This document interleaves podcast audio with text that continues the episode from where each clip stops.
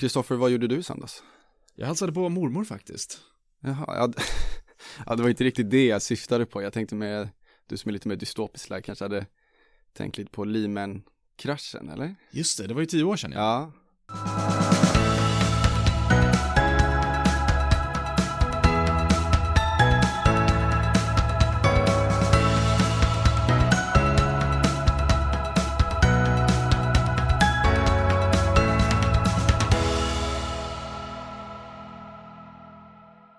Yes, hej och välkomna till Aktiepodden, podden där vi snackar aktier och börs.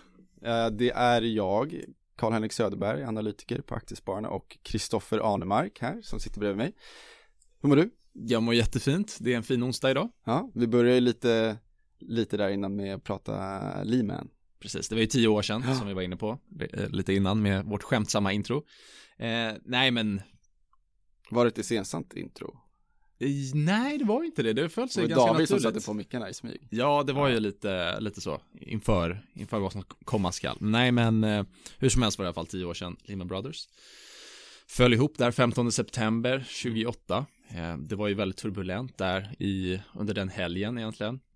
Och dessförinnan så hade ju vd Dick Fold, han hade sagt på måndag liksom att nej, men det, vi har inga problem, vi är rock solid och sen på, på torsdag började problemen hända på allvar och på söndag så hade man, ja, i princip fallerat då. Ehm, och sen så spreds ju chockvågorna när Asien öppnade och, och den här vågen kom för, till slut till Europa också då. Eller ja, det spreds ganska fort till Europa. Men hur skulle man kunna säga att det ser ut idag då? Jag tänker, ser de finansiella systemen, ser de bättre ut? Jag tänker det globala banksystemet är väl, vad ska man säga, mer transparent, mer reglerat och kapitalstarkt. Bör man vara liksom orolig för en sån här krasch igen. För jag menar, för, som, förlåt, men som motpol till det så har vi ju däremot skuldsättningen i världen. Exakt, man kan ju dela upp frågeställningen i två olika delar egentligen. Mm. Dels så kan man säga, okej, okay, vad var ursprungsproblematiken? Mm. Det kanske var ett, liksom hur systemet är strukturerat. Att bankerna är sammanflätade som ett, en bank får problem så sprids det ganska fort till en annan bank. Och då är problematiken självklart att de är så stora, eller too big to fail, talade man om att de är för stora för att falla. Och det vi har gjort sedan 2008 är egentligen att bankerna har blivit ännu större. Eh, så ur den aspekten så, så är det ju bekymmersamt. Samtidigt som du var inne på så har man ju rekapitaliserat många banksystem. Eh, I USA så har man, i bankerna har ju bankerna större kapitalbuffertar kan man kalla det. Starkare balansräkningar. Även om det fortfarande är väldigt hög hävstång i, i banksystemet som vi vet. Man har man lånar, lånar på kort löptid och lånar ut på, på lång löptid och sen däremellan så har man en risk och sen eh, så är man ganska känslig för lite större kreditförluster. Då. Mm. Men man får lov att säga att det är lite bekymmersamt då om man kollar på skuldsituationen just dels hur liksom offentlig skuldsättning har skjutit i höjden för att liksom hantera den här krisen som var för att ta länder upp ur, ur den recession som många hamnar i och även då den ultralätta penningpolitiken som har drivits egentligen hela världen. Ja, exakt, och det, det, är ju, det är ju det man brukar peka på att eh, tittar vi på den aggregerade skuldsättningen i världen så är den över 250 miljoner mm, dollar. Den har gått upp, tror jag, 40 procent, uh, har mm. för mig läste. Och då är det främ, främst nationalstater som har um, satt på sig spenderbyxan och verkligen lånat upp uh, uppseendeväckande summor egentligen. Uh, som vi vet USA, där har ju statsskulden tredubblats egentligen mm. från 2007 eller 2006. Uh, hur ofta eller hur, hur kan man fortgå med den här processen egentligen och låna väsentligt mer än den ekonomiska tillväxten, alltså den underliggande produktiva kapaciteten kan vi kalla det. Ehm, det kanske inte kan pågå i all oändlighet. Det är bara Sverige vi är tvärtom. Då är det hushållen som Ja, precis. I Sverige så är det tvärtom. Mm. I Japan så är statsskulden, som du vet, är väldigt hög där. Mm. Men, eh, men hushållen och företagen är ju väldigt robusta. Framförallt företagen som har stora nettokassor och starka balansräkningar. Mm. För det här är ju ganska intressant. Nu har vi, tror jag, ehm, om det var i förrgår eller om det var igår, så kom ju tioårsräntan i USA upp vid 3% igen. Den här gränsen som för normala sedan ledde till lite hysteri jag menar, det är frågan hur orolig man ska vara för det här. Visst finns det signalvärde i det och så här, men och det är klart det blir svårare att betala tillbaka. Ja, exakt. Så att någon, någon gång kommer det bli ett problem. Men det kanske inte behöver bli ett problem nu. Jag menar, tillväxten är ju fortfarande stark. Så att historiskt har ju faktiskt börsen klarat av ganska väl att hantera högre räntor, liksom, så länge tillväxten finns där. Um, sen kanske man inte kan förvänta sig att börsen ska värderas upp, liksom, eftersom attraktionskraften relativt obligationer blir mindre och högre avkastningskrav på aktier och sådär. Men, Nej, men man, jag... man kanske inte behöver bli jätteorolig ändå just nu. Nej, alltså egentligen som du vet så bygger allting på förtroende. Mm. Och under 2008-krisen så var det en institutionell kris. Det var några banker som hade gjort några dåliga bets kan man väl kalla det. Eller då, ganska många banker och försäkringsbolag. Och det var en ganska svårlöst sörja egentligen. När man skulle reda ut vem satt på vad, vilka mm. tillgångar. Men nu har vi ju, som du var inne på, så kanske vi har en mer en lite större, att man har flyttat problemen från den institutionella sidan till den statliga sidan. Um, och när man börjar ifrågasätta liksom, nationalstaters betalningsförmåga och så, mm. så blir det ju lite annorlunda. Eftersom vi har centralbanker också som faktiskt kan, uh, om, man, om man lånar i egen valuta så är det i teorin inget problem. Men det är också förtroende, så att säga. Um, men om man ska vara lite börspositiv, då kan man säga att incitamenten nu borde vara väldigt starka för att inte räntorna ska stiga Nej. så mycket. Alltså så att folk faktiskt kan betala tillbaka mm. sina räntor på skulder. Jag menar det, det borde ju kanske då vara positivt för aktier som tillgångslag. Jag tänker också, vi har ju väldigt, vi har ju demografiska motvindar i hela världen egentligen med en åldrande befolkning mm. och de här skuldbergen. Kanske gör att då borde ju, jag tänker inflationen kanske kommer hålla sig ganska låg under lång tid framöver. Låg, låg och tråkig tillväxt kanske dålig produktivitetstillväxt. Ja, en del har ju sagt det. Att eh, ja, produktiviteten har ju varit i princip obefintlig. Exakt. Eh, eller produktivitetstillväxten mm. egentligen. Eh, om man tittar på. Och sen så har vi dessutom motvind demografiskt. Men om, om vi återkopplar till det du sa precis. Om att det finns många som har incitament eller hålla räntorna låga och mm. att det är bra ur ett aktieperspektiv så kan vi ju faktiskt se att det är en nödvändighet. Dels för att hålla räntekostnaden i schack. För det är klart att ja, amerikanska staten betala ganska många miljarder på sin, på sin statsskuld nu här och om, om räntorna skulle bara stiga till 5% om man skulle betala på statsskulden så är det en biljon. Mm. Eh, och det, ja, det blir den största utgiftsposten i budgeten då. Mer än amerikanska militären och annat. Så, så det är klart. Och i Japan så där har man ju tagit över hela obligationsmarknaden. Så där har du ingen fri marknad längre i den meningen att ja, du har individuella köpare och säljare. Utan där är det staten eller Bank of Japan som, som står för eh, på köpsidan. Det är ju lite läskigt. Ja. Och det är något vi aldrig har gjort historiskt förut heller. Eller det, det är ju egentligen eh, en övergång till någon form av eh, socialistiskt styrsätt ja. egentligen. Mm. Om du tänker att den fria marknaden ska ju egentligen, det, det, det fria marknaden letar efter att hitta balans och rätt pris, liksom. Mm. hitta fair value som man mm. brukar prata om.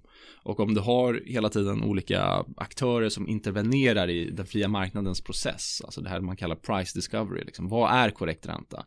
Vad, vad, vad ska den japanska staten låna till? Ja, kanske inte 0% som, som vi ser idag. Om bara räntan skulle ticka upp lite så skulle hela budgeten gå till räntekostnader. Så det är självklart det är problematiskt. Eh, mm. Men sannolikt så blir det väl likadant i USA. Att man gradvis kommer ta över obligationsmarknaden, tyvärr.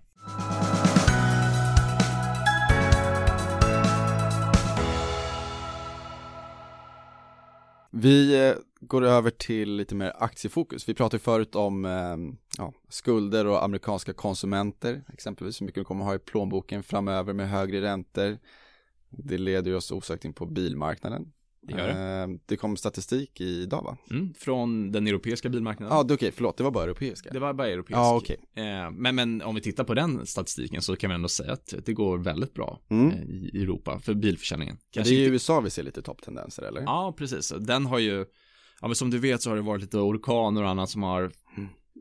vad ska vi säga, skakat till statistiken för det har varit mycket bilar som förstördes och behövde åter eller ja, dels köpa nya bilar för att återställa eh, den tidigare balansen på marknaden så att säga. Så, så det, det gav en liten skjuts. Men tittar vi i Europa så, så ser det bra ut. I Frankrike, i Tyskland, Italien var det som sagt lite, lite svårare. Men eh, ja, det såg ganska bra ut. Ja.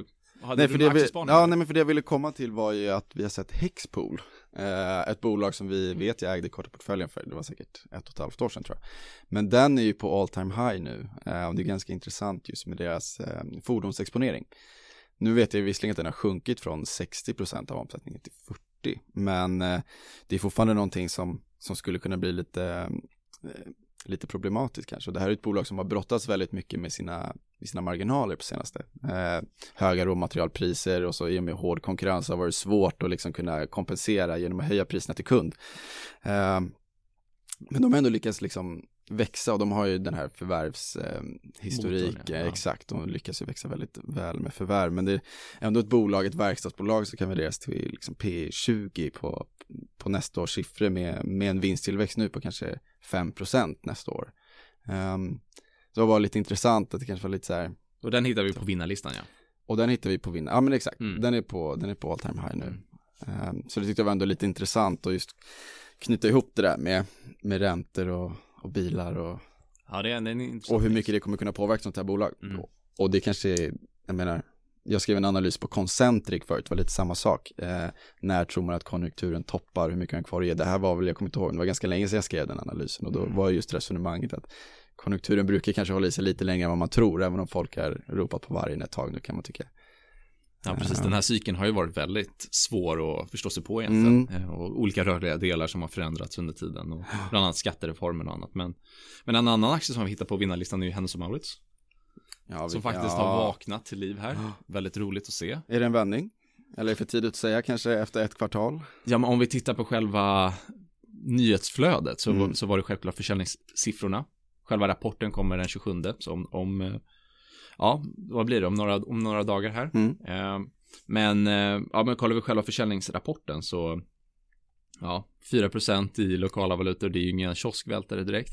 Men det marknaden ville se var kanske att minskningen ja, hade avstannat och det såg vi i alla fall. Så det Mm. var positivt, trots att det har varit eh, bekymmersamt vädermässigt som du vet. Eh, med väldigt varmt och lite svårt att navigera i, i, i det klimatet som vi har haft. Mm. Men eh, ja, och sen så har men det som kanske drev kursen var ju eh, Stefan Perssons utköpsrykte då, som Mm. började spridas från, från Storbritannien, där Daily Mail hade en, eh, en artikel eh, om att Persson hade varit runt och frågat eller ja, sökt finansiering för någon form av utköp. Eh, Och då gav ju det självklart extra bränsle. Så, och sen så har det blivit väldigt blanka den aktien också. Så det var Lite short squeezing kanske var också igår. Precis, en del som täckte. Skulle du köpa aktien här? Eller vill du ha Runt mer 140 bevis? kronor? Ja. Ja. nej, nej, det är, jag, jag är fortfarande inte övertygad. Jag, jag väntar gärna in rapporten. eh, Så får vi se vad som händer där. Ehm, hur, hur, hur går det för marginalen? Hur ser kassaflödet ut? Exakt. Ja. Mm. In, innan, för försäljning är all ära, men vi vet inte om det har skett på bekostnad av marginaler. Som i Clas Ohlson så har vi sett att man har ökat försäljningen på bekostnad av marginalen bland annat. Men men det var lite kul för samma dag så kom ju eh, Zalando med sin rapport. Det har ju känts som ett bolag som folk kanske har valt att gå till istället, eller Kinnevik då på svenska marknaden. Som kom med en riktigt svag rapport, det var ju ner kraftigt. ja, de vinstvarnar där, precis. Ja, Eh, ja, förlåt, det var en vinstvarning. Ja, Mm. nej men eh, de, eh, Zalando har ju varit den här go-to-stället egentligen med online. Det har ju Mm, legat, det exakt. har ju varit så himla hett på alla Ja. sätt och vis egentligen. Och eh, då flaggade man, ja, de skyller ju på det, det varma vädret, att, att det hade hämmat försäljningen. Och sen var det några, anal några analytiker, kåren som var ute och sa nej, nej, nej. Det är inte bara vädret utan det finns Mm. logistikproblem och viss kostnadstryck i, i, i distributionsledet och annat. Så Ja, det var väldigt svag, svaga marginaler va? det Det var är väl ofta det som är problemet med just den här businessen med onlinehandel. Ja, och det går fort, men det är som sagt fria, fri frakt, fria Mm. returer. Ehm, kan man hålla det här på en, en intressant, alltså kan man skala upp verksamheten utan att kostnaderna ökar? Ja, det får vi se. Men det är en låg marginalbusiness som vi vet. Ehm, Men apropå väderproblematik så var det ju något som eh, Husqvarna som vinstvarnade igår tisdag också skyllde på. Och det kan man väl kanske till viss del köpa med det extremväder som faktiskt har varit. Ja, det är väl inte Eh, så många som klipper gräset när det är bevattningsförbud Nej. exempelvis, eller eh, är ute i skog och mark när man inte, när det är väldigt stor risk för brand. Ehm, Exakt. Så, så, så ja, det, det kanske man kunde sett komma egentligen. Och den rapporten var inte jättebra heller, halvårsrapporten. Nej, exakt. Eh, Men även så, jag såg att det var, bara för en vecka sedan så var det ju, jag kommer inte ihåg vilken investmentbank det var som upprepade sin köprek och höjde Var det riktkursen. DNB va? Det kanske var, Ja. som höjde sin riktkurs från 90 till 100 kronor. Nu står de väl i 70 senast jag kollade Ja, tror jag, va? Runt 70. 70. 70 kronor. Eh, så det var lite olycklig rek. Eh, men det är ganska, alltså det här är också ett bolag som har brottats med marginaler, jag pratade förut om Hexpool. Och Mm. de har här Consumer Brands som går riktigt svagt. Eh, de har också haft problem med tariffer och också den här konkurrenssituationen som är lite intressant just med bolag som de ser högre råmaterialpriser men så har de jäkligt svårt att kunna höja det mot kund för att konkurrenssituationen på marknaden är så pass tuff. Precis, du har ju en Ja. kinesisk konkurrensbild där Exakt. och sen så har du dessutom trenden mot mer och mer el Mm. eller batteridrivna produkter. Husqvarnas kom- kärnkompetens ligger ju, vi har ju en Husqvarna gräsklippare, den är ju liksom bensindriven. Ehm, så ja, det är, det är Mm. bekymmersamt. Men är det någonting du köper här? eller? Men jag tycker att det, det beror, kanske, jag vet inte om jag skulle våga köpa nu, eh, men ledningen, de jobbar ju på med nya omstruktureringsprogram och gör ju vad de kan för att få bukt med marginalerna. Eh, men det är såklart att det innebär en liten högre riskpremie, jag är lite osäker kring den biten, så där kanske man vill ha mer bevis, men det jag tycker ser spännande ut är de här med robotgräsklippare som växer jättestarkt. Uh, och de, det kommer med en hel del nya produktlanseringar. Så att det här tillsammans med ett, det här är också ett bolag som kan förvärva ganska bra. Uh, balansräkningen ser helt okej ut. Uh, Värderingen är inte jättehög heller. Exakt, nej alltså värderingen var P14 på nästa års, på nästa års, exakt, ja. och sjönk till P12. Så att jag menar, på de här nivåerna får man säga att det ser ganska attraktivt ut faktiskt. Mm. Uh, så att man har ju en fin var, alltså, varumärkesportfölj också. Om man mm. tittar, det är ju mm, riktigt fina varumärken med, med Husqvarna självklart, men också ja. eh, de andra varumärken man har. Ja. Gardena och andra. Nej men så jag tycker det börjar klia lite i köpfingret, men ja. jag vet inte om jag riktigt vågar trycka på den än. Nej.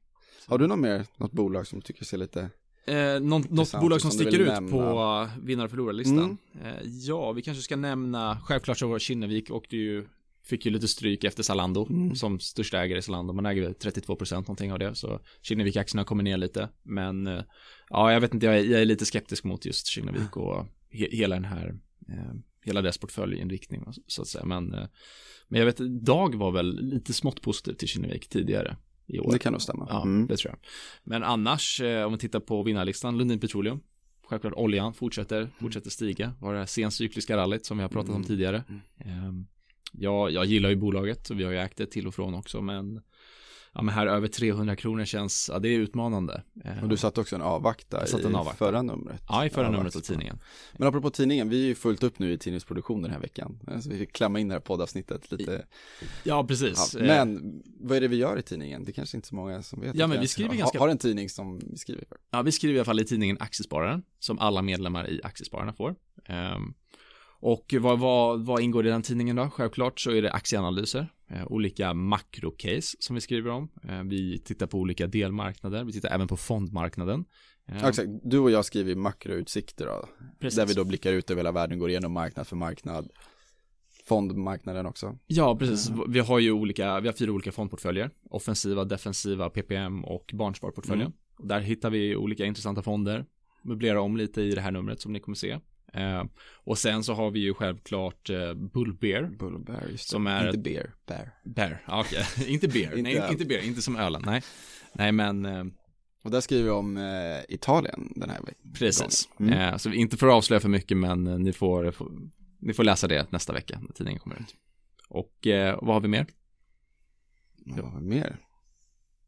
Korta portföljen skriver vi ju där också. Självklart korta portföljen. Lite längre uppdatering mm, än vad, vad, som, vad det brukar vara på sajten. Så brukar det bli någon fokustext också, du skriver om? Ja, jag skriver om storleksfördelning, hur man ska arbeta med eh, sizing som det heter på engelska. När alltså, du investerar? Ja, när man ja, investerar, låter... för, för det är ju, det, det är ganska bortglömt mm. område egentligen, för man tänker på, ja men, säg att du hittar ett intressant bolag eller du har en intressant portfölj, men hur ska du storleksfördela? Ska du ha 5% i bolaget? Ska du ha 1%? Ska du ha 10%? 30%? Var går gränsen? Vad är rimligt? Vad är inte rimligt? Det känns ganska basic, men någonting som många glömmer bort och, liksom, Absolut. och hur viktigt det är ändå. Ja, men alltså även professionella investerare kämpar med det här ständigt. Ja. Alltså frågan, okej, okay, hur, hur ska jag siza det här? För man vill ju participera på uppsidan men inte liksom om, om det skulle visa sig fel, alltså tesen skulle inte falla ut som tänkt, då vill man ju inte heller bli ruinerad. Tänk på de som låg all in Fingerprint eller Ericsson. Eh, du vet, den typ av aggressiv sizing och så, så vi går igenom lite, lite olika faktorer och olika regler som finns där. Så det får ni också hålla utkik Men då sätter vi oss och fortsätter jobba med tidningen och nästa vecka så hoppas vi att eh, Dag är i podden. Det hoppas vi. Ja. Och vi får se om Gösta dyker upp också. Kanske Gösta också. Mm. Toppen. Tack för oss. Tack. Hej.